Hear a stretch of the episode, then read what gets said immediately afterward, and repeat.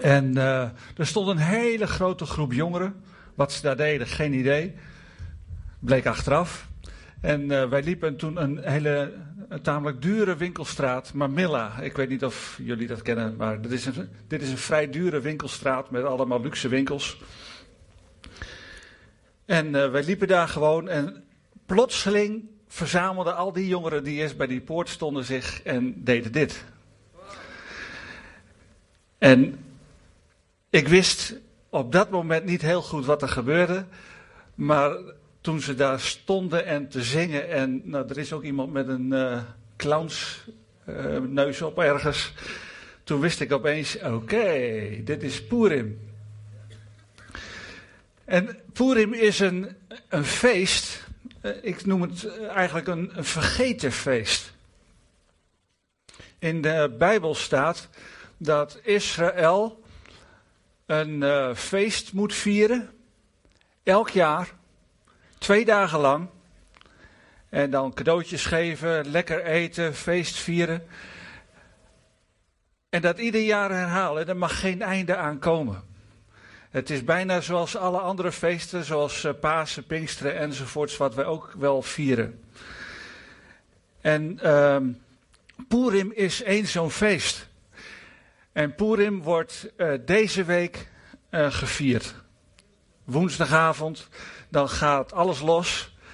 Zoals je dit ziet, dit zijn uh, jongeren van de Chabad. Dat zijn de orthodoxe Joden. Dus niet de Messiaanse Joden, maar de orthodoxe Joden. Overigens, de Messiaanse Joden kunnen er ook heel wat van. Die verkleden zich ook allemaal. Het is net een soort carnavalsfeest waarin één grote verkleedpartij is. En ik denk van waarom hebben wij daar niks mee? Waarom doen wij dat eigenlijk niet? Want in die tekst die ik net aanhaalde, dat ze het elk jaar moeten vieren, alle generaties door, staat ook een zinnetje. En ik zal hem gewoon voorlezen, zodat je weet dat ik niet uit mijn nek klets. Um, stelden de Joden vast en namen zij de verplichting op zich voor zichzelf, voor hun nageslacht, en dan komt het, en voor allen die zich bij hen zouden aansluiten, dat ze nooit het vieren van deze twee dagen zouden overslaan. Kom ik zo op. ik vraag me dan af, waarom doen wij daar niks mee? Als wij ons aansluiten bij Israël, als wij ons geroepen voelen door de God van Israël, dus aansluiten bij. Waarom lezen we dan over zo'n zinnetje heen? En ik kijk jullie er niet op aan hoor, want even goed mezelf.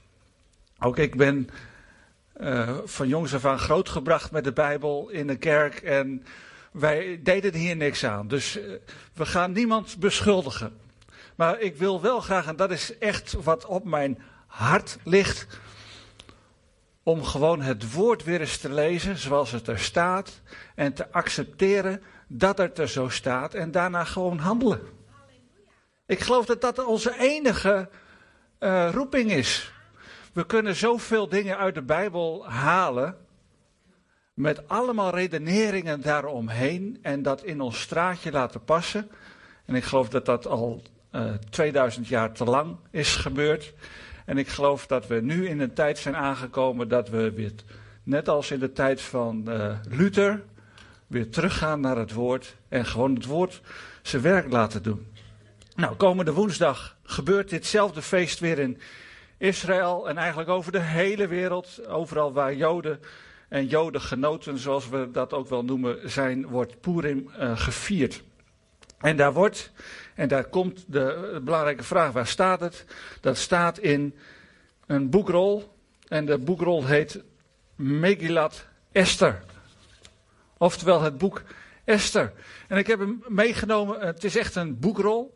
En bij voorkeur wordt hij ook uit een rol gelezen. Uh, ik zal daar vandaag ietsje meer over zeggen. Want ik dacht van ja, Esther, wat is dat nou voor een boek om te lezen? Luther zei: Ik kom de naam van God niet eens tegen in het, uh, in het boek Esther. Dus waarom is hij eigenlijk in de Bijbel opgenomen? God komt er niet eens in voor. En hij zei eigenlijk, eh, eigenlijk deugt dat boek niet. Het is het meest erge boek uit de Bijbel.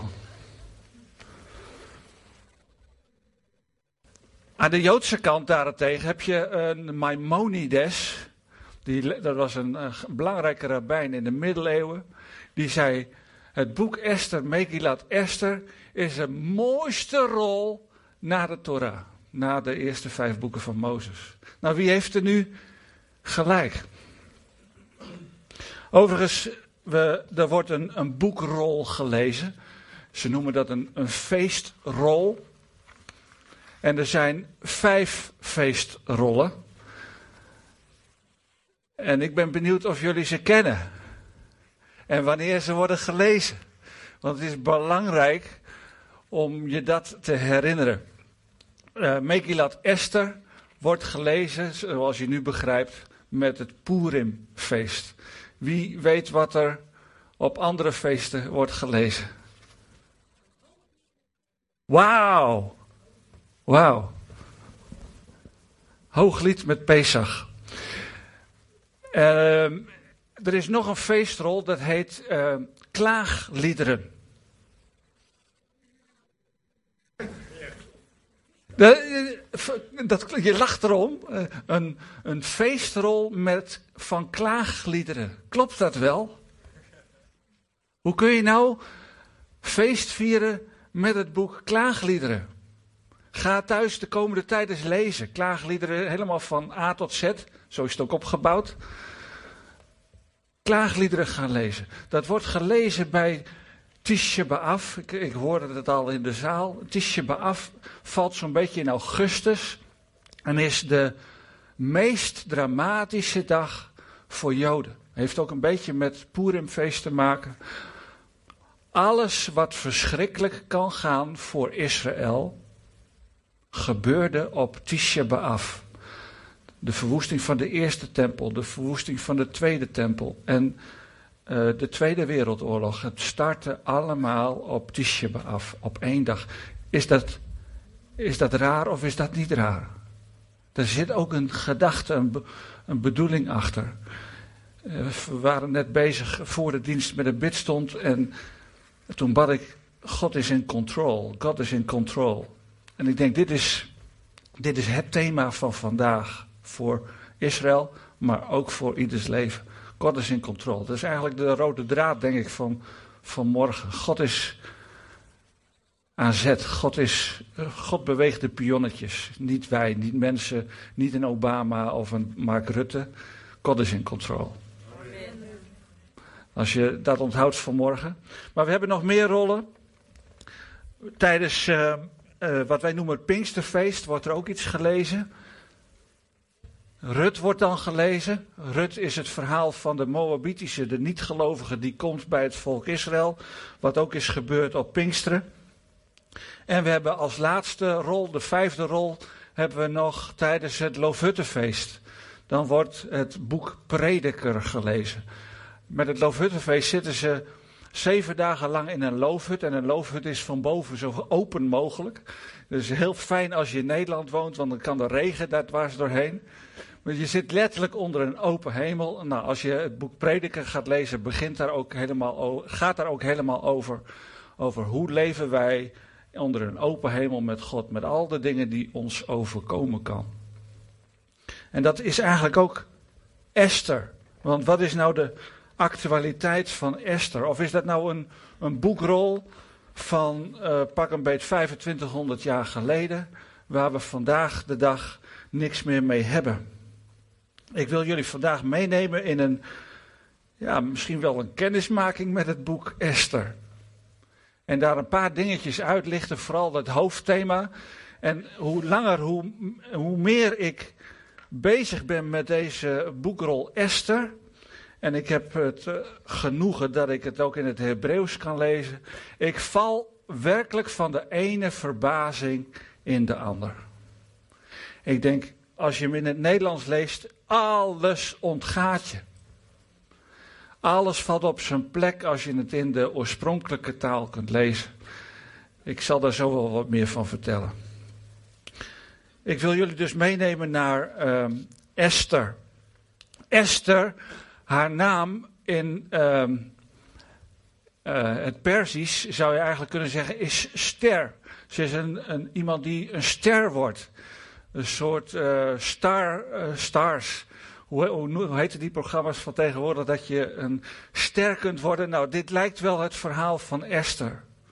Dat je vanuit het niets, zelfs vanuit het verborgene, dat je oprijst tot een hoge positie. Maar Esther in het Hebreeuws betekent verborgen zijn. En dan dring je eigenlijk ook al een beetje door tot de kernboodschap van het boek Esther. Want er is iets verborgen in dat boek Esther. En zoals ik net al zei, Luther viel daarover dat Gods naam nergens voorkomt in het boek Esther. En laat dat nou precies de boodschap zijn van het boek Esther. Wij kunnen denken, ach, Gods naam staat er niet in, dus we schrappen hem weg uit onze Bijbel. Terwijl God dat boek heeft bedoeld om te laten zien dat Hij verborgen kan zijn of is in deze wereld. Verborgen achter de coulissen zou je tegenwoordig kunnen zeggen, aan de touwtjes trekt. Dat als wij Hem niet zien, als wij niet kunnen, Zijn naam niet kunnen lezen, als wij Hem niet ervaren in ons leven, dan denken wij, als moderne, verlichte, rationele, logische mensen, God is er niet, want we zien Hem niet. We kunnen Hem niet tasten, we kunnen Hem niet pakken. Dat is de moderne wetenschap van vandaag. En het boek Esther staat er eigenlijk loodrecht tegenover. Die zegt nee, als jij God niet kunt ervaren, als jij God niet kunt zien, als jij zijn woord niet kunt lezen, als je even niks van hem hoort, als de hemel van koper lijkt, hij is in controle. Dat is de kernboodschap van Luther. Of uh, van uh, het boek Esther. Luther ontging dat. Die zei van God staat er niet in, dit is een erg boek. En ik denk, als wij nou doorkrijgen wat, wat God door dit boek heen wil zeggen, dan, dan kunnen we het voor onszelf toepassen, maar dan zien we ook Gods plan voor deze hele wereld. Deze wereld is zo in beweging en in beroering.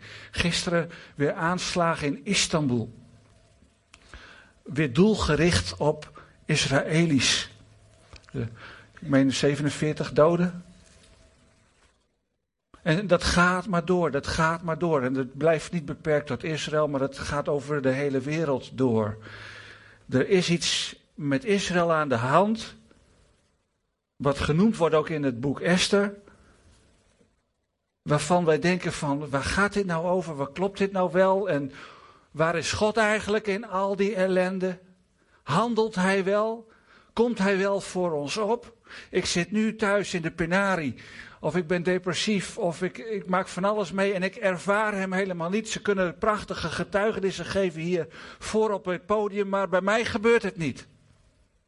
Dat is het verhaal van Esther. En daar dwars doorheen klinkt dus de boodschap: oké, als je mij niet ziet, toch, ik bepaal alles wat er gebeurt. De positieve dingen, de negatieve dingen, ik weet er ook van. En ik gebruik zelfs die negatieve dingen die in jouw leven voorkomen of voorgekomen zijn, gebruik ik om mijn doel te bereiken. Dat zegt God. Ook vanmorgen tegen jou. Wat er ook gebeurt in jouw leven. Ik ben in controle. En ook al maak je negatieve dingen mee. Ook al ga je zo diep. Ik zal het allemaal gebruiken ten goede. Ik denk, ja, ik kan eigenlijk wel stoppen nu. Want dit is de kernboodschap van het boek Esther. En als we dat pakken. Maar ja, je moet het wel kunnen zien. Een van de dingen die verborgen zijn in het boek Esther. is de naam van God. Ik zei het al. Hij komt niet voor. Nee, als je het gewoon leest, komt het niet voor. Maar als je vanuit het Hebreeuws leest. Um, Joodse mensen lezen heel anders de Bijbel dan wij. Wij zijn geneigd om Esther te lezen als een geschiedenis. Heel fijn voor die tijd, 2500 jaar geleden, maar het zegt ons vandaag niks. Maar Joden lezen tussen de regels door. die zeggen van hé, hey, Gods naam ontbreekt. Dus is hij de belangrijkste. Wij lazen, ik ben net, net een paar weken geleden teruggekomen uit Israël en de persoon met wie ik op reis was, die uh, zat s morgens vroeg aan tafel bij het ontbijt. Zeg Siep, ik heb vanmorgen uh, uh, stille tijd gehouden en ik heb een psalm gelezen. Ik meen dat het 125 was, ik weet het niet meer precies. Maar hij zegt, ik snap er iets niet van. Want het hele alfabet wordt gevolgd en dat heeft 22 letters. En het heeft maar 21 versen. Er klopt iets niet. En ik ging lezen en ik ging lezen en ik zag het eerst ook niet. Totdat mijn oog viel op één ontbrekende letter. Eén ontbrekende letter. Vanuit het Hebreeuws. Dan denk je, nou dat is een foutje, die moeten we herstellen. Dat is vast vergeten. En ik zie inderdaad dat in sommige handschriften dat ene lettertje is toegevoegd. Wij mensen zijn geneigd om dat in te vullen. Maar juist in die ene psalm ontbreekt één letter. Laat dat nou, die ene letter, met de betekenis die daarbij hoort. Het belangrijkste en kernthema te zijn van die hele psalm. En het ontbreekt. Dus eigenlijk wil God al zeggen, zelfs al ontbreek ik, dan ben ik nog steeds de hoofdpersoon. Als ik God niet zie, hij is nog steeds de hoofdpersoon. Het ligt aan mij dat ik hem niet zie. Dat is, dat is Esther. Gods naam is verborgen in een, in een uh, vier of vijftal zinnen. En dan wordt Gods naam gebruikt. Zoals jullie weten is Gods naam wordt gespeld als JHWH. En die komt verborgen in de tekst voor. Soms aan het begin van de regel, soms aan het einde van de regel. En dat is ook typisch Joods lezen. Je moet het zien met je ogen. Je de, gewoon de Bijbel voor je nemen en lezen. En spreken. En als je dan gaat spreken, dan hoor je waar de nadruk ligt. Dan hoor je wat belangrijk is. Dan hoor je wat niet wordt gezegd. Wat ook belangrijk is. En wij, wij kennen dat met onze westerse dingen niet zo. Daarom is het zo boeiend om in de Bijbel te gaan studeren. Ik zal je echt, en ik hoop dat ik je daartoe een beetje stimuleren kan vandaag, dat je op zoek gaat naar de diepere betekenis van de Bijbel. Niet zomaar Esther gaat lezen. Oh, fijn, nou ja, ja, mooi. Wat, ja, nou wel, wel mooi op zich, ja. Maar dat je gaat studeren in die tekst en dan soms één lettertje tegenkomt waarvan je zegt, we komen straks nog wat tegen, één lettertje en daar draait het nou allemaal om. Nou ja, ik daag je maar uit. Er zijn ook wat gezegdes uh, in hoofdstuk 4, vers 14 van Esther. Daar staat, uh, want als jij in deze tijd in diepe stilzwijgen hult, dat wordt tegen Esther gezegd, dan zal er vanuit een andere plaats verlichting en verlossing voor de Joden komen. Dat is voor ons een hele doodgewone zin. Van een andere plaats. Nou, waar denken wij bij als je zegt van een andere plaats? Dan denk ik aan de hemel. Als jij niet in beweging komt, dan moet er vanuit een andere plaats wel redding komen. Dat is wat de persoon Mordechai zegt tegen Esther. In het Hebreeuws, als je dat zegt, daar wordt gezegd, daar moet niet vanuit een andere plaats, maar daar moet vanuit Mokum, Hamakom, moet er redding komen. En Hamakom is in het Hebreeuws de benaming voor God. Amsterdam werd door Joden, en nog steeds in de Bargoens wordt het nog steeds gezegd, Mokum. Dan bedoelen ze eigenlijk de plaats en uh, Jeruzalem is Mokum Alef en Amsterdam was Mokum Bet. Oftewel, Amsterdam was ook de plek waar God was. En daarom is die plek zo belangrijk. Dus als een Jood Mokum Hamakom hoort, dan denkt hij onmiddellijk aan Jeruzalem en aan God. Die, die twee zijn, horen onverbrekelijk bij elkaar.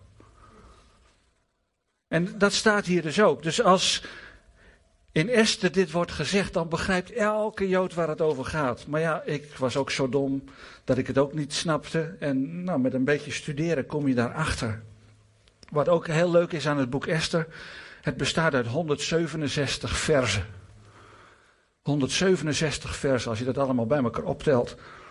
Nou blijkt dat het Shema Yisrael, Deuteronomium 6 vers 4, wat elke Jood elke dag en meerdere keren per dag zegt, God, dat God één is, die heeft ook 167 versen.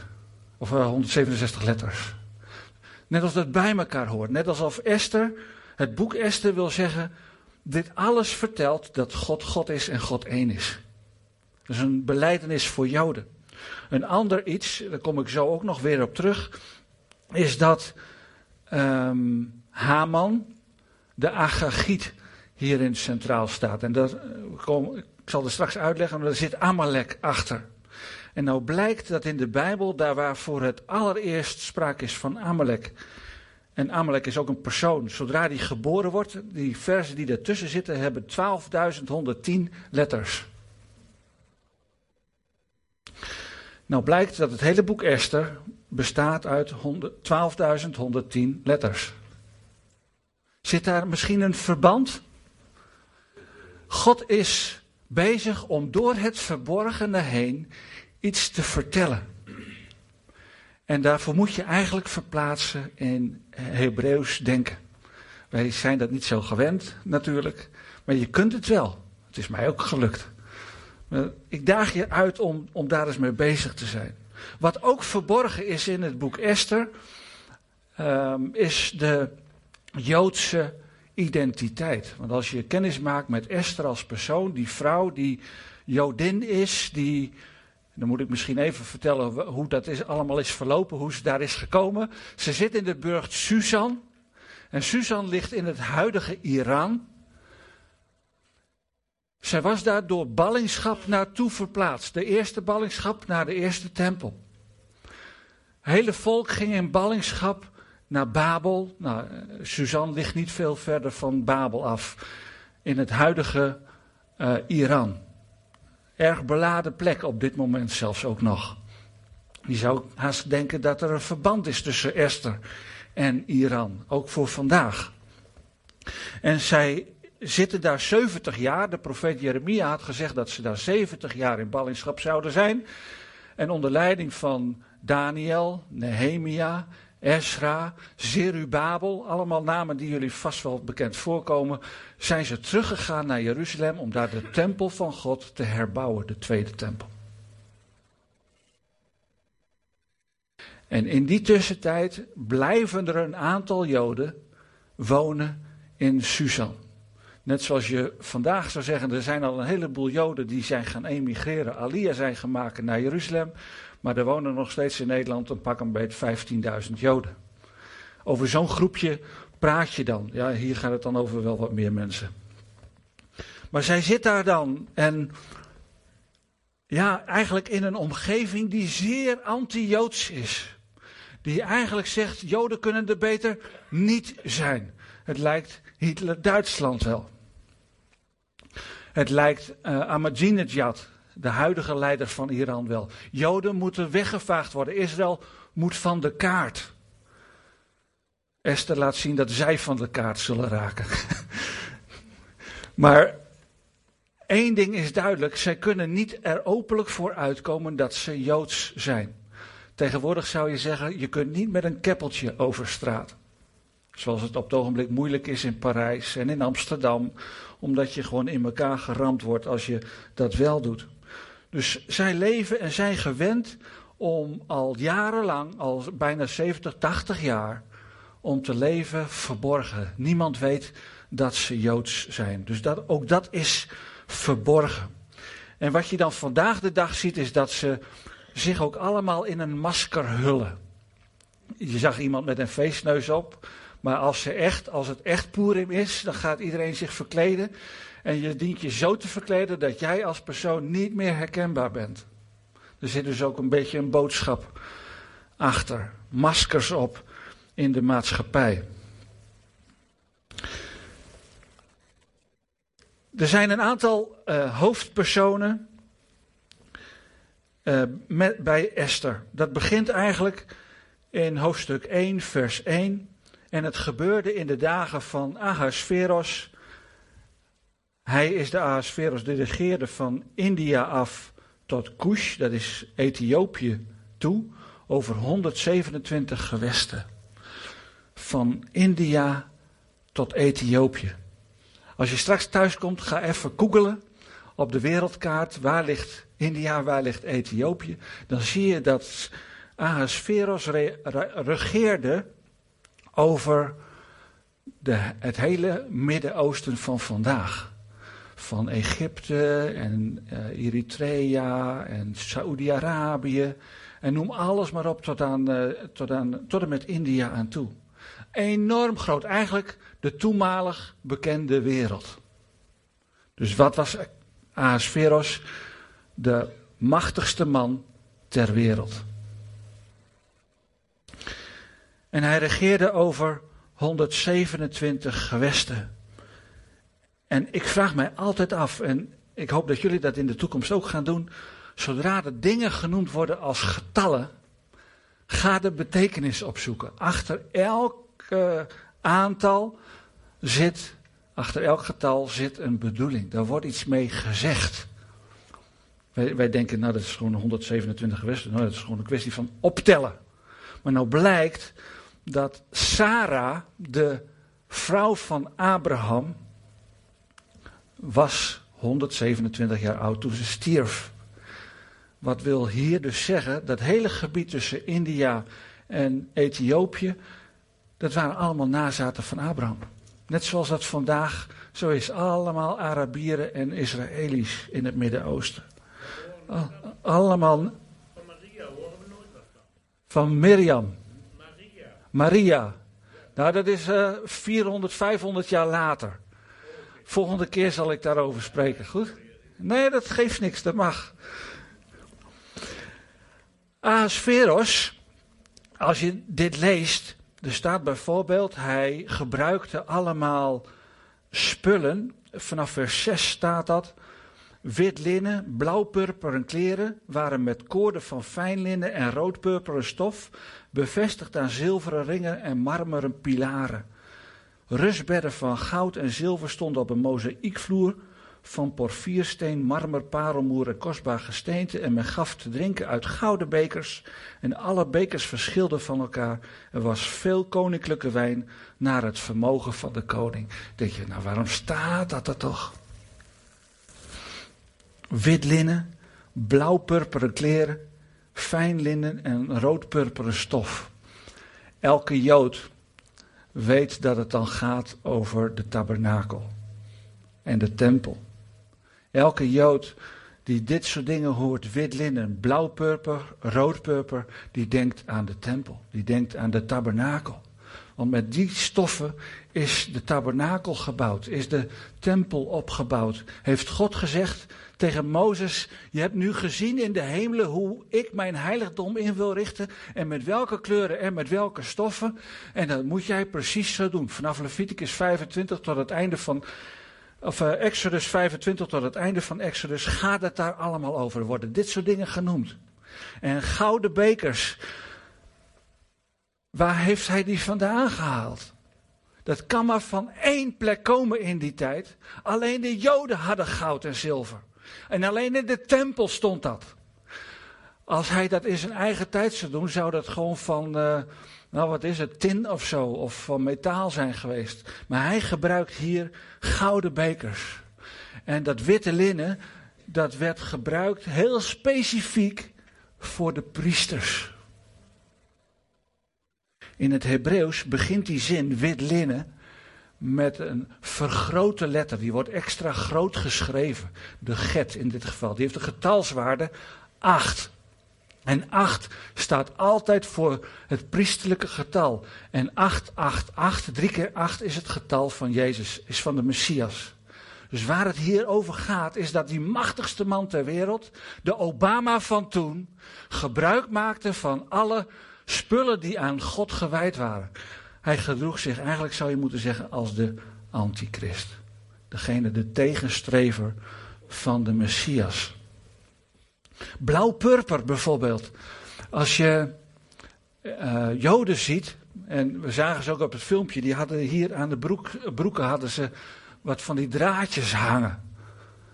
En uh, witte draadjes, soms zit er een zwarte draad tussen. En vaak, hoop ik vaak tenminste, dat er een blauw-purperen draadje in hangt. In nummerie staat dat elke Israëliet die moet dragen, omdat dat blauwe kleurtje herinnert aan Gods woord, zijn Torah, zijn onderwijzing. En als je dat dan ziet aan je broek, dan herinner je weer, oh ja, ik ben van koninklijke bloeden. Ik ben door hem gekocht en betaald en ik hoor bij hem en ik behoor me koninklijk te gedragen. En ik behoor me naar zijn woord te gedragen. Daar dient het voor. Nou, al die kleuren, het werd allemaal gebruikt door Ahasveros. Als je nog een persoon uh, tegenkomt, dat is dan Mordecai. Die wordt genoemd in hoofdstuk 2, vers 5. Daar wordt van gezegd dat hij een Benjaminiet was, een zoon van Simei. Elke Jood weet dan dat het gaat over de Simei die een tegenstrever was van koning Saul. Koning Saul was een Benjaminiet en deze Mordechai was ook een Benjaminiet. Kom daar zo nog weer op terug. En in hoofdstuk 2 vers 7 dan verschijnt een andere persoon ten tonele en hij was het die Hadassah, dat is Esther, de dochter van zijn oom opvoedde. Hier heet Esther dus Hadassah, dat is haar Hebreeuwse naam. En dat betekent eigenlijk meert of bruidsbloem. Kom ik ook weer zo op terug. En andere hoofdpersonen die komen dan voor in hoofdstuk 9 vanaf vers 7. Dat zijn de tien zonen van Haman. Nou heb je een beetje een overal plaatje van waar het over gaat bij Esther. Wie er een, een rol spelen. Ik wil met jullie lezen ook een deel uit Esther hoofdstuk 3. Hoofdstuk 3 vanaf vers 1. Oh, kijk eens. Na deze gebeurtenissen maakte koning Ahasveros Haman, de zoon van Hammedata, de Agagiet, groot en hij verhoogde hem. En hij plaatste zijn zetel boven al de vorsten die bij hem waren. En alle dienaren van de koning die in de poort van de koning waren, knielden en bogen zich voor Haman neer. Want, zo had de koning dat bevolen, ten aanzien van hem. Mordechai echter knielde niet en boog zich niet neer. De dienaren van de koning, die in de poort van de koning waren, zeiden tegen Mordechai: Waarom overtreedt u het gebod van de koning? Het gebeurde nu, toen zij dit van dag tot dag tegen hem zeiden en hij niet naar hen luisterde, dat zij het aan Haman vertelden om te zien of de woorden van Mordechai stand zouden houden. Want hij had hun verteld dat hij een Jood was. Toen Haman zag dat Mordechai niet knielde en zich niet voor hem neerboog, werd Haman met woede vervuld. Maar het was in zijn ogen verachtelijk om alleen aan Mordechai de hand te slaan, want zij hadden hem verteld tot welk volk Mordechai behoorde. En Haman zocht een manier om alle Joden, die in heel het koninkrijk van Ahasveros waren, het volk van Mordechai, weg te vagen. In de eerste maand, dat is de maand Nisan, in de twaalfde jaar van koning Ahasveros, wierp men het poer, dat is het lot, in de tegenwoordigheid van Haman van dag tot dag en van maand tot maand, tot de twaalfde maand. Dat is de maand Adar. Toen zei Haman tegen de koning Ahasveros, één volk is er dat verstrooid en verspreid is onder de volken in alle gewesten van uw koninkrijk. Hun wetten zijn anders dan die van alle volken. En er is niemand die de wetten van de koning uitvoert. Het past de koning niet hen met rust te laten. Als de koning het, goed dunkt, laat er dan geschreven worden dat men hen ombrengt. Dan zal ik tienduizend talenten zilver afwegen op de handen van hen die het werk doen, om die naar de schatkist van de koning te brengen.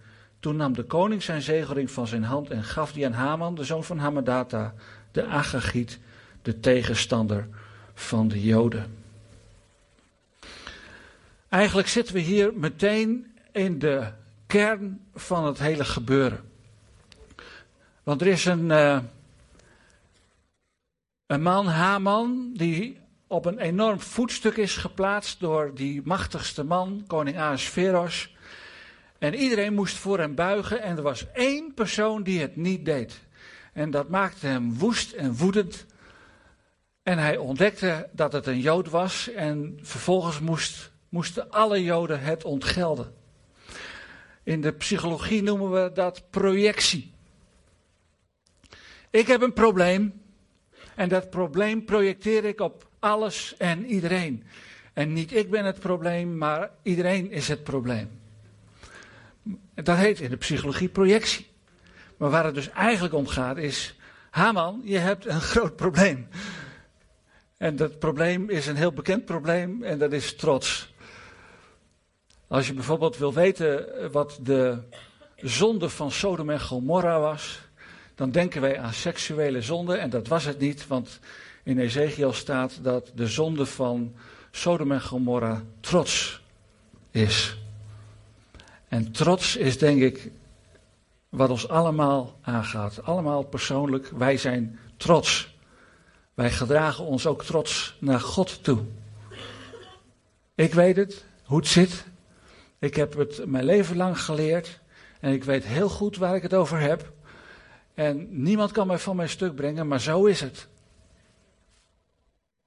Allemaal trotse taal.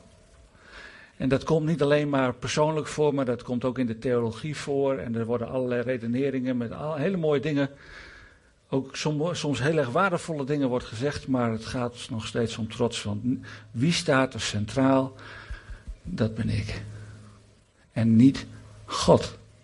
Ja, want het zijn ook vaak de mensen die God niet zien, die moeite hebben met Gods handelen in deze wereld. En ja, met diezelfde conclusie komen van God is het toch niet. Dus uh, dan uh, God uh, verdween uit Jorwert en God verdween uit Nederland.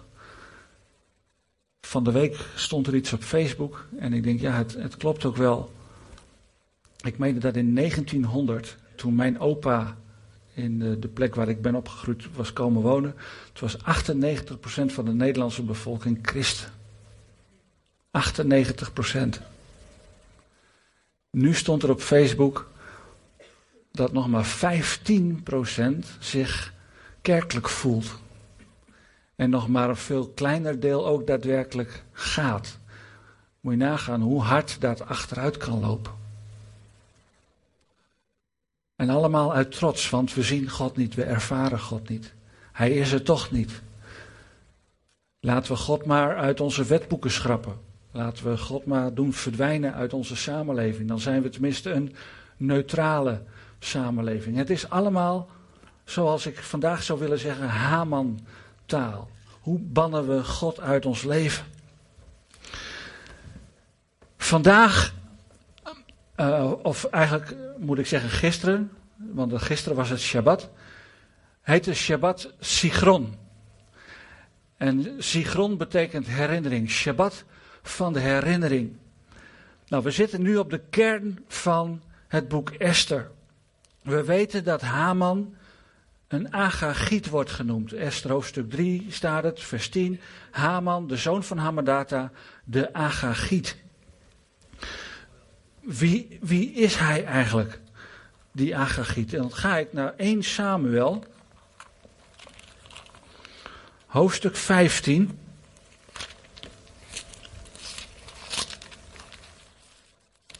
Het is vandaag echt een bijbelse leerpreek. Je moet ja, jullie hoeven niet te bladeren, want dat wordt keurig voor je geprojecteerd. Ook dat is projectie.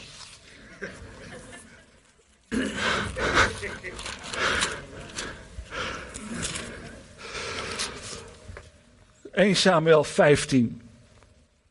Daar uh, zei Samuel tegen Saul: De Heer heeft mij gezonden om u tot koning te zalven over zijn volk, over Israël. Luister daarom naar de woorden van de Heer. Zo zegt de Heer van de legermachten: Ik heb acht geslagen op wat Amalek Israël aangedaan heeft, hoe hij zich tegen hem gekeerd heeft op de weg toen hij uit Egypte kwam. Ga nu heen, versla Amalek en sla alles wat hij heeft met de ban, spaar hem niet maar dood hen van man tot vrouw, van kind tot zuigeling, van rund tot schaap en van kameel tot ezel.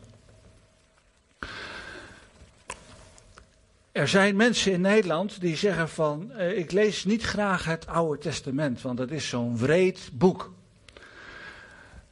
Er staan vrede dingen in. God geeft de opdracht om, zeggen ze dan met mooie taal, genocide te plegen op een hele bevolking Amalek. Kan dat wel? Is dat wel eerlijk? En meestal vindt men dat niet eerlijk. Zegt men uit trots, want ik weet het beter. Dat vindt men dan niet eerlijk en dus heeft men God overboord gegooid, heeft men de Bijbel overboord gegooid. Maar wat hier gezegd wordt is bloedserieus en is de kern, zou ik bijna zeggen, van de hele Bijbel. De kern van het woord van God. Samuel gaf aan Saul namens God de opdracht om Amalek en koning Agag met de band te slaan. En wat doet hij? Hij doet het niet. Hij uh, doodt wel een heleboel van hen, maar in vers 8 van hoofdstuk 15 wordt gezegd: Agag, de koning van de Amalekieten, greep hij levend. Maar al het volk sloeg hij met de ban, met de scherpte van het zwaard. Maar Saul en het volk spaarden Agag de beste schapen en de runderen en wat bijna het beste was, de lammeren en alles wat goed was. Zij wilden die niet met de band slaan. Maar elk gebruiksvoorwerp dat waardeloos en vergaan was, sloegen zij met de band. En dan komt het woord van God via Samuel tot koning Saul. Wat heb jij nou gedaan? Je hebt geen uitvoering gegeven waar ik de opdracht voor had gegeven.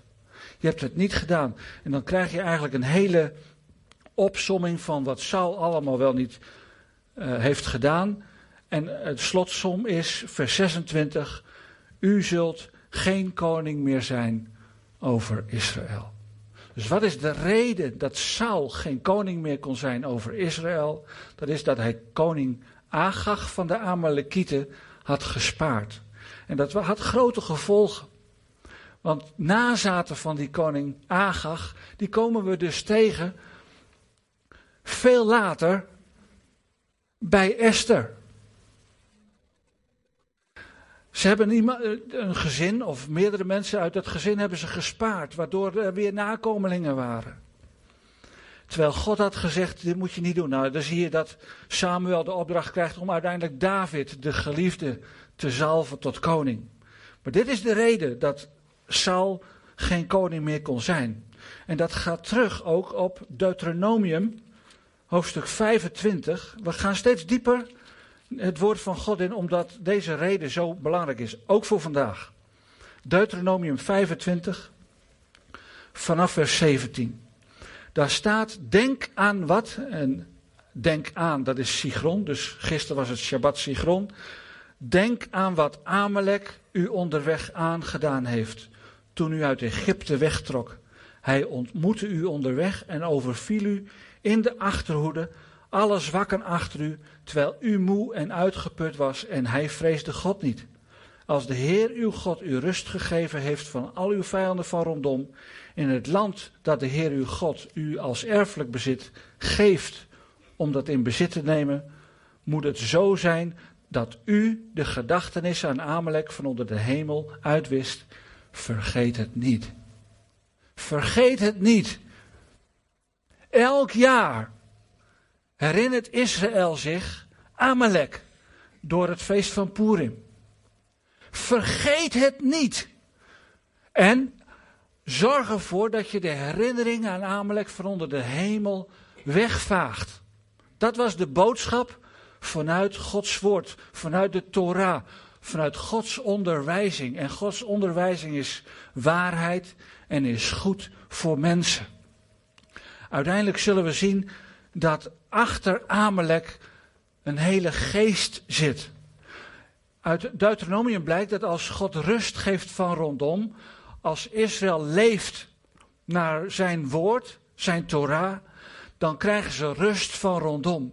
En dan worden ze niet aangevallen door Amalek. Maar zodra Israël van God afwijkt, niet naar zijn woord luistert, niet naar God zelf luistert, trots wordt en naar zichzelf keert, dan krijgt hij te maken met Amalek, met aanvallen. En die aanvallen waren vanuit de achterhoede. Ik weet niet of het je is opgevallen, maar al die uh, steekpartijen in Israël van de afgelopen tijd, het is allemaal, op eentje na, allemaal vanuit achteren. Vanuit de rug worden ze aangevallen. Kenmerkend voor de geest van Amalek. Israël was net de woestijn ingetrokken toen ze uit Egypte waren, bevrijd. Het eerste die op hun pad kwam was Amalek. Niet aan de front, want daar liepen de sterke mannen. Nee, achterhoede, de zieken, de mensen die amper mee konden komen. Die pakken ze. Dat is de geest van Amalek. Niet in staat om krachtig te werken, maar om de achterhoede weg te halen. Amalek is een Hebreeuws, bestaat uit twee Hebreeuwse woorden. Am en lak. Amlak moet je eigenlijk zeggen. Am is het Hebreeuwse woord voor volk. En lak is eigenlijk wat een hond doet als hij water opslurpt of aan het eten is. Hij likt het op. Amlak. Dus wat is Amalek? Een volk dat het andere volk, het Israël, oplikt. Zijn bloed wel kan drinken. Dat is taal wat je ook vandaag de dag uit Iran en uit Irak en uit, noem alle Arabische talen maar op. Dat hoor je en dat proef je. Dit is de geest van Amalek. In Exodus hoofdstuk 17 staat die strijd beschreven. Daar staat, toen kwam Amalek en bond de strijd aan met Israël in Rafidim. En dan treedt Joshua op. En dan komt die hele bekende geschiedenis. En ik vind het zo prachtig. En ik, we waren net uh, voor de dienst bezig met een bidstond. En toen had iemand, ik weet niet meer wie het was, maar die had een beeld van die stok met die slang die omhoog geheven moest worden. Nou, dat speelt allemaal al in deze tijd af. En het raakt de kern van het boek Esther. Nou, hier staat dat Mozes moest zijn hand ook opheffen. En op het moment dat Mozes zijn hand ophief, uh, kon Israël de strijd overwinnen. Maar ja, na een hele lange tijd dan word je armoe en dan begint hij te zakken. En toen zagen ze dat Amalek overwon. En dan komen, staat in vers uh, eh, 10, dan komen Mozes, Aaron en Hur uh, Aaron en Hur, die komen dan bij Mozes en die ondersteunen hem in zijn arm om het hoog te houden, zodat ze kunnen overwinnen. En zo staat er ook, zo overwon in vers 13, Joshua Amalek en zijn volk met de scherpte van het zwaard. Toen zei de Heer tegen Mozes, schrijf dit ter gedachtenis in een boek en prent het Joshua in, ik zou bijna zeggen, prent het hem in de oren en in de ogen, dat ik de herinnering aan Amalek van onder de hemel geheel zal uitwissen. En Mozes bouwde een altaar en gaf het de naam De Heer is mijn banier. Hij zei voorzeker de hand op de troon van de Heer, de strijd van de Heer zal tegen Amalek zijn, van generatie op generatie. En we kunnen nog een stapje dieper gaan.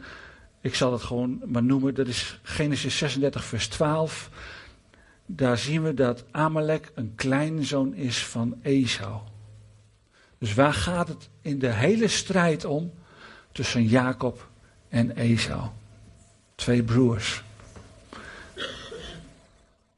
En die strijd die zien we door de hele wereldgeschiedenis heen tot op de dag van vandaag. En daar gaat ook Esther over. En daar gaat ook de strijd van vandaag in Israël over. En dan is het de vraag, aan welke kant staan wij? Kiezen wij de kant van Amalek? Kiezen wij de kant van Haman? De kant van Ahasveros? Er zijn plenty kerken die dat doen. Die zeggen, ach ja, die arme Palestijnen.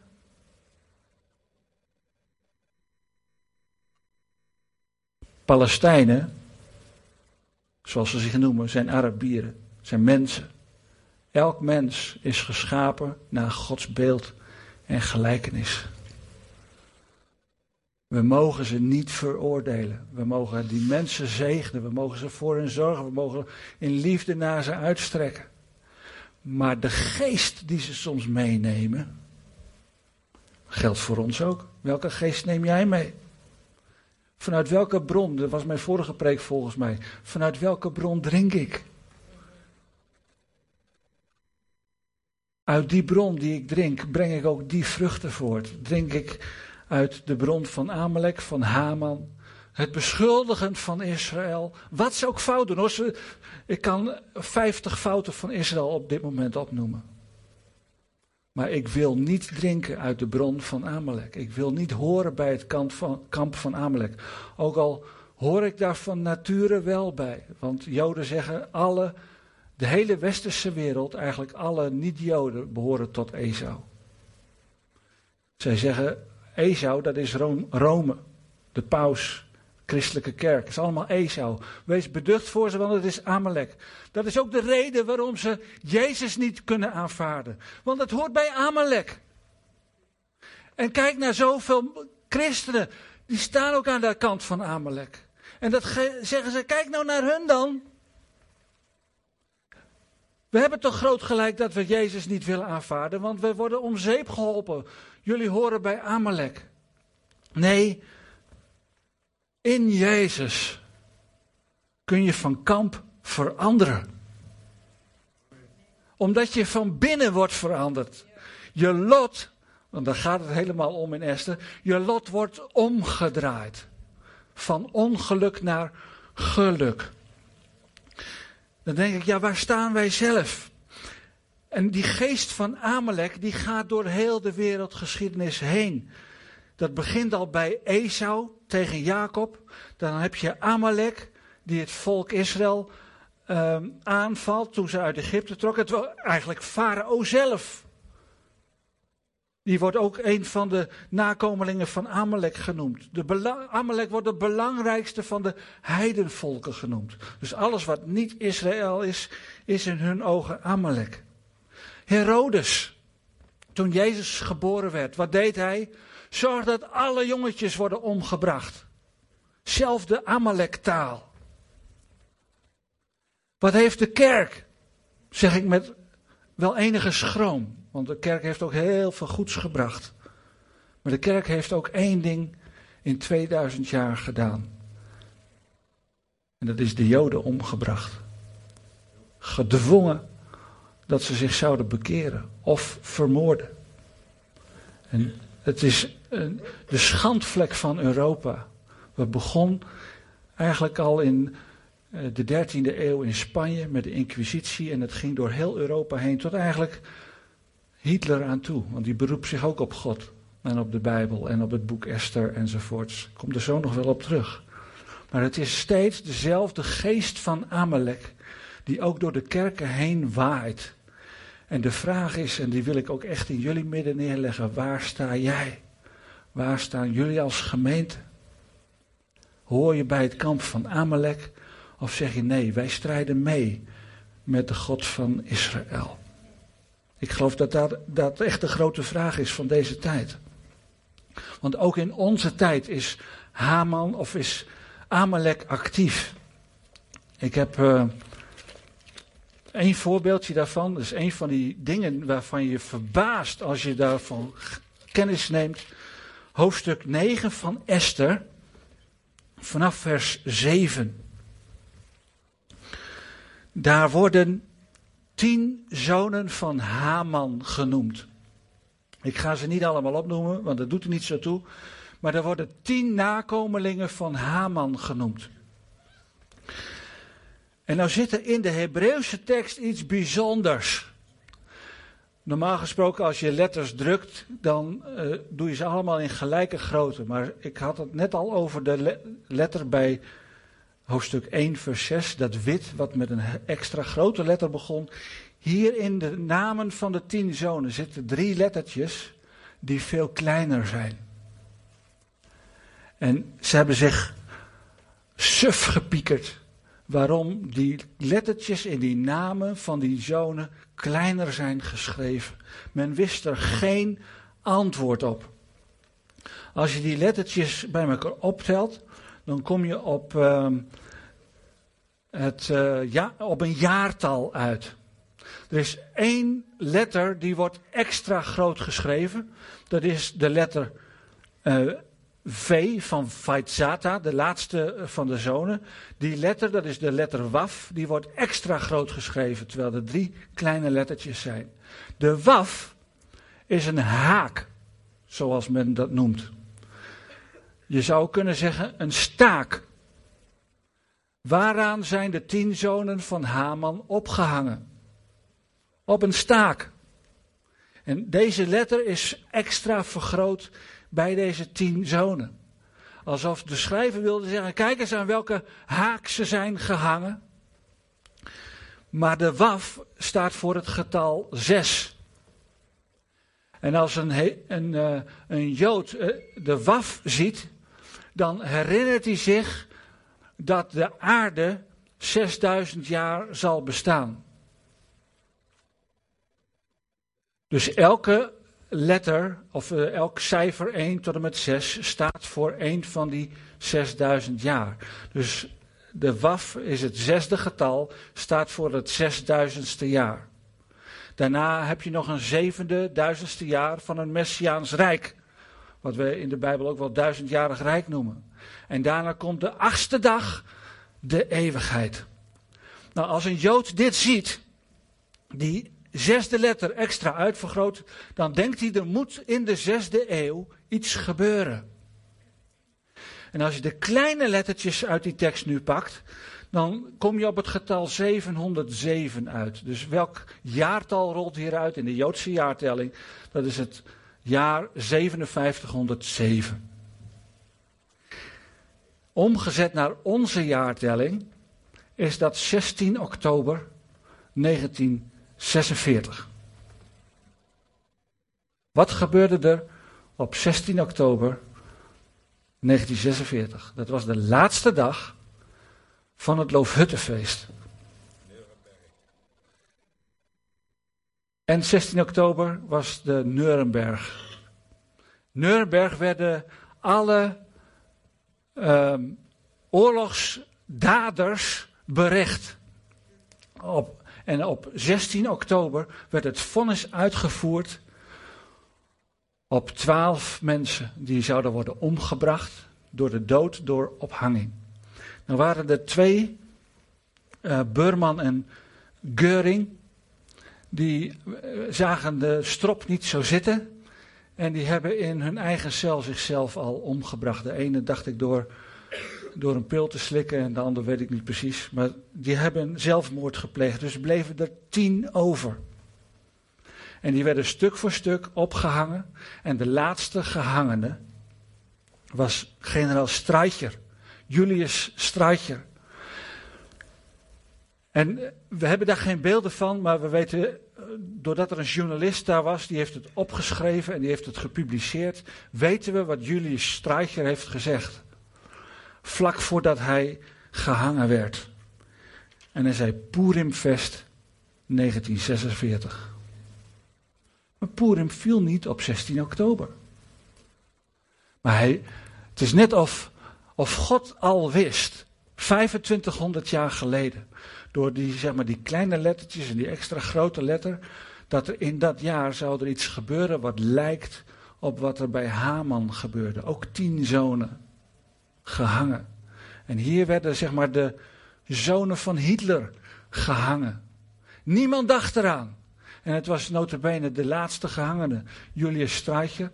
Echt een fanatieke anti-Jood. Die zei: Ik doe hier echt goed mee. Jullie zitten er allemaal naast. Trots. Purimfest 1946. Zou daar een verband zijn? Ik denk het wel. Want God is in control. Wat er ook gebeurt in dit leven. Hoe Hitler ook Israël, 6 miljoen Joden, om zeep wil helpen. God is in control. Wat zijn de gevolgen geworden? 1948, de oprichting van Israël. Er komen ook goede dingen uit voort. Maar kijk ook naar vandaag. Ik geloof ook dat Haman en Hamas ook heel erg dicht bij elkaar liggen. Ook in het Hebreeuws ligt dat heel dicht bij elkaar. Als je weet dat bij de zondvloed God zegt: Ik ga de aardbodem ga ik schoonmaken, omdat ik die geweldenarij zo zat ben dan zegt God in het Hebreeuws dat hij de Hamas zat is. In het Hebreeuws staat er echt Hamas. De aarde was vol Hamas. Staat er in Genesis. En ook in Ezekiel 28 moet je thuis maar eens nalezen. Een bijzonder hoofdstuk over de val van Satan. Satan was een van de hoogste engelen. Maar in hem werd veel geweldenarij gevonden, veel Hamas gevonden. Dus ik zou eigenlijk de een lijntje door willen trekken. Wie zit achter Amalek? Wat is de geest van Amalek? Dat is de geest van Satan. En daar gaat het hier over in Esther. Want wie zijn de grote afwezigen? Dat is Satan en dat is God zelf. Zo lijkt het. Maar hier wordt recht gedaan. Want ik geloof dat in die paal waaraan die zoon en Haman zelf ook is gehangen, dat daar uiteindelijk een beeld is van wat er met Jezus is gebeurd. Ook hij is aan het hout gehangen. Alsof hij bij die tien zonen hoorde. En dat is precies wat er is gebeurd in Esther. Een plaatsvervanging. Jij hoeft niet te hangen. Omdat hij is gaan hangen. Die tien zonen van Haman zijn gaan hangen omdat zij de geest van Satan hadden. En Satan zal worden omgebracht, zal worden uitgeroeid. Wat zei God ook alweer tegen Mozes? Ik zal zelf de herinnering aan Amalek van onder de hemel wegvagen. Waar deed hij dat? Aan het hout. Precies waar de zonen van Haman werden gehangen. Als wij zo trots zijn naar God toe. Als wij denken God niet nodig te hebben. Dan zijn wij niets beter dan de zonen van Haman. Dan dienen wij zelf op het hout gespitst te worden. Maar Jezus zegt, laat mij maar hangen. Ik wil liever bij de tien zonen van Haman horen, zegt Jezus, dan dat jullie hangen. Dat is de boodschap van Esther. Plaatsvervanging, omkering van het lot, want dat betekent eigenlijk Purim. Haman had het lot geworpen en ja, op de dertiende Adar moest het hele volk maar worden uitgeroeid. En wat gebeurt er? Amalek, Haman wordt uitgeroeid. Omkering van het lot. Precies wat er met ons allemaal is gebeurd. Op het moment dat Jezus aan het kruis gaat, vindt er een omkering plaats. Een omkering van jou en mijn lot. En dat brengt hoop. Ik ga even terug naar Esther, hoofdstuk 2, vers 7. We hebben het al eerder even gelezen. En hij was het die Hadassah, dat is Esther, de dochter van zijn oom, opvoedde. Want ze had geen vader of moeder. Deze Esther of deze Hadassah is naar de koning gegaan en heeft gezegd: Kom ik om, dan kom ik om. Ik, als ik maar moet sterven, dan moet ik maar sterven. Als ik mijn volk maar red. En dan denk ik, dat klinkt, dat is Messiaanse taal. Wat Jezus ook heeft gezegd. Kom ik om, dan kom ik om. Als ik anderen maar kan redden. Doelgerichte zelfopoffering. En ik zie daarin zo'n verband met het komende Pesachfeest. Dat Jezus stierf aan het kruis, maar ook weer opstond. Omkering van het lot ook voor hem. Bevrijding van Amalek is aan het kruis gedaan. In Colossense 2 staat, hij heeft de, de tegenstander ontwapend en zo over hen gezegevierd. Precies dat beeld wat ook voor de dienst in de bidstond werd genoemd. Het verhogen van die slang. Als je daarnaar kijkt. Als je kijkt naar hem aan het kruis. En in hem de verhoogde ziet aan een staak gehangende. Dan weet je, ik had er moeten hangen. Ik ben tot geloof gekomen persoonlijk in het besef dat ik daar thuis hoorde. Want ik was het die God had losgelaten. En Jezus ging aan het kruis voor mij. Omkering van het lot. En dat gebeurt hier ook bij Esther. Want Esther wordt hier bij haar Hebreeuwse naam Hadassah genoemd. En Hadassah, daar gaan we even uh, lezen in Jesaja hoofdstuk 55. Want dat, uh, dit, is, dit is echt een prachtboodschap. Want dit gaat ons allemaal aan. Jesaja 55, vers 13. Ik begin bij vers 12. Want in blijdschap zult u uittrekken en met vreugde voortgeleid worden. Het gaat hier over Israël, hè? De bergen en de heuvels zullen voor uw ogen uitbreken in gejuich en alle bomen van het veld zullen in de handen klappen. Voor een doornstruik zal een cipres opkomen, voor een distel zal een meert opkomen. En het zal de Heer zijn tot een naam, tot een eeuwig teken dat niet zal worden uitgewist. Eigenlijk staat hier, Israël zal weer uittrekken en ze zullen weer in vrede wonen. En voor een doornstruik zal een cipres opkomen en een distel, voor een distel een meert. Ik weet niet wat er met jou gebeurt als je dat leest voor een doornstruik en een distel. Ik denk dan automatisch aan Genesis. Op het moment dat Adam en zijn vrouw in de hof zijn en gezondigd hebben en daar die zondeval er is. Dan komt er een vloek ook op de aarde, omdat de mens uit de aarde is genomen. De mens was als heerser op aarde gesteld en die zei niet meer God is mijn rechter, maar Satan gaat over mijn leven. Dat is wat er is gebeurd. En toen zei God, doordat jij dit hebt gedaan, mens, zal de aardbodem ook vervloekt zijn. En doorns en distels zal het voortbrengen. Dat staat in Genesis hoofdstuk 3. En hier in Jezaja, hoofdstuk 55, wordt gezegd: voor een doornstruik zal een cipres opkomen en voor een distel een meert.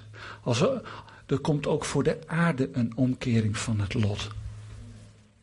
Niet alleen voor de mens, maar ook voor de aarde. Voor Israël komt er een omkering van het lot. Ze waren eerst verspreid over de hele wereld onder alle volkeren. Maar ze mogen terugkeren en ze zullen in vrede voortgeleid worden. Zien we dat al? Nee, want Amalek is nog steeds actief.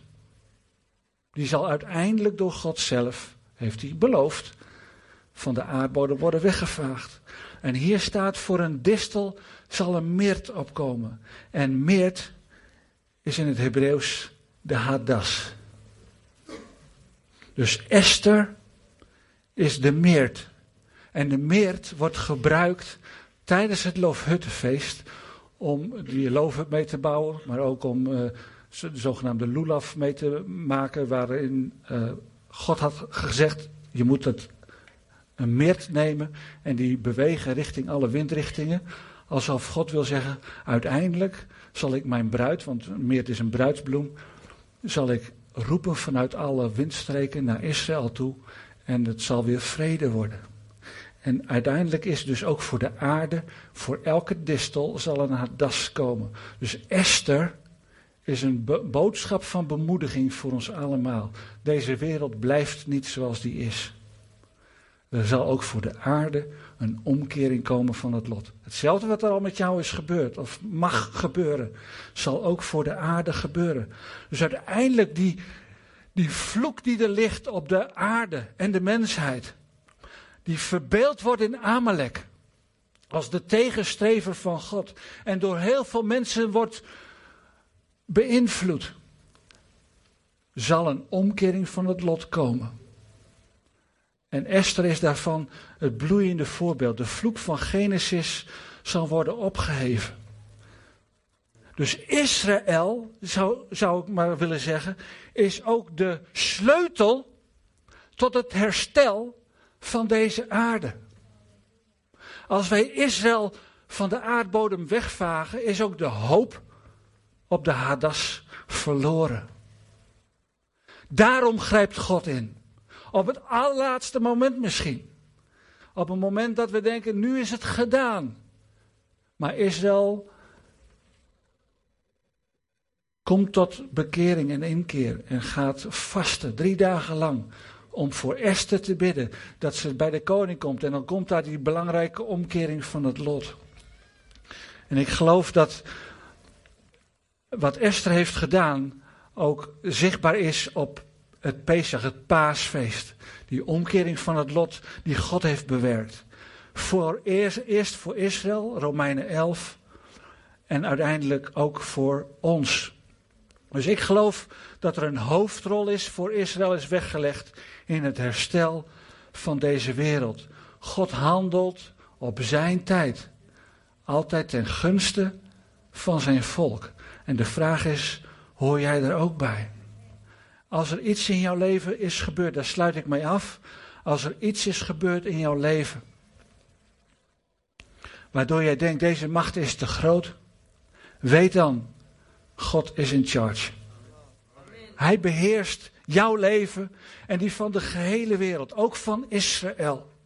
Als wij denken, Israël verknoeit het, en daar hebben we alle reden toe, God gaat ingrijpen, ook voor Israël. Hij zal voor elke distel, zal hij een hadas terug gaan geven. Er is hoop voor deze wereld. Er is ook hoop voor jou.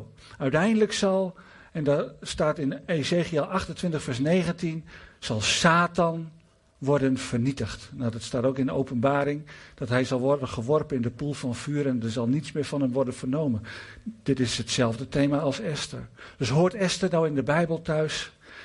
Ik zeg het met Maimonides na, het is het prachtigste boekrol na de Torah.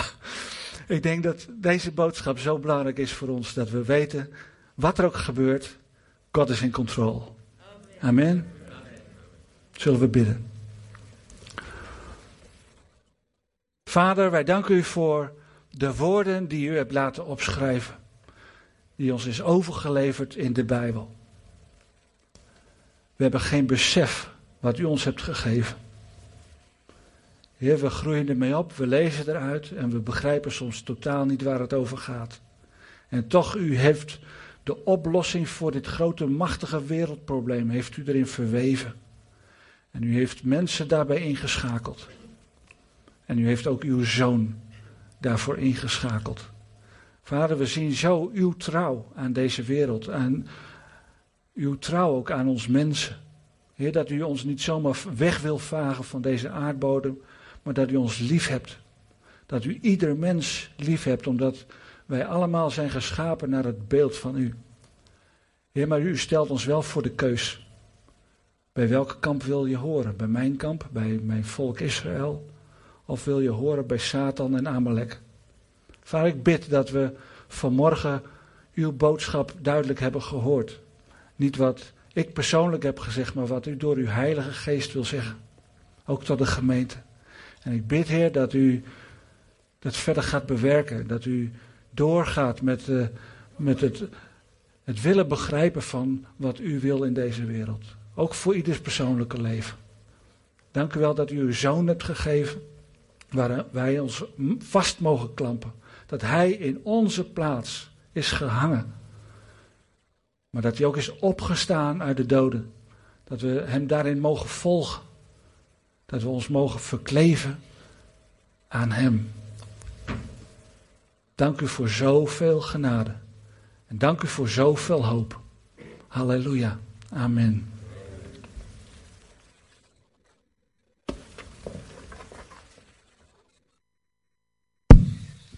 Nou, Siep, dankjewel voor het uh, woord over Israël.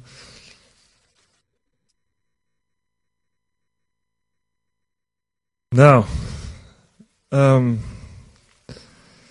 we gaan even iets anders doen dan normaal.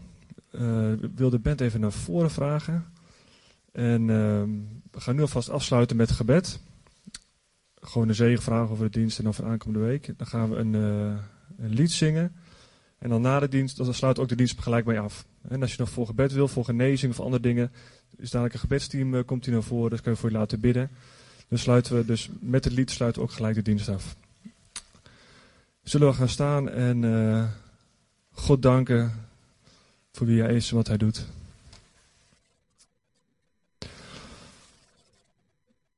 Vader in de hemel, dank u wel dat u altijd in ons woont en bij ons bent. Dat u de God van liefde bent. Heer, dat u ons wil bemoedigen, Vader, met een woord of met gebed straks, Heer, als we ergens mee zitten of last van hebben. U bent er altijd. Vader, en ik zegen ook iedereen die er is, voor vandaag, voor de aankomende week. En ik dank u, Vader God, voor wie u bent. In Jezus' naam. Amen.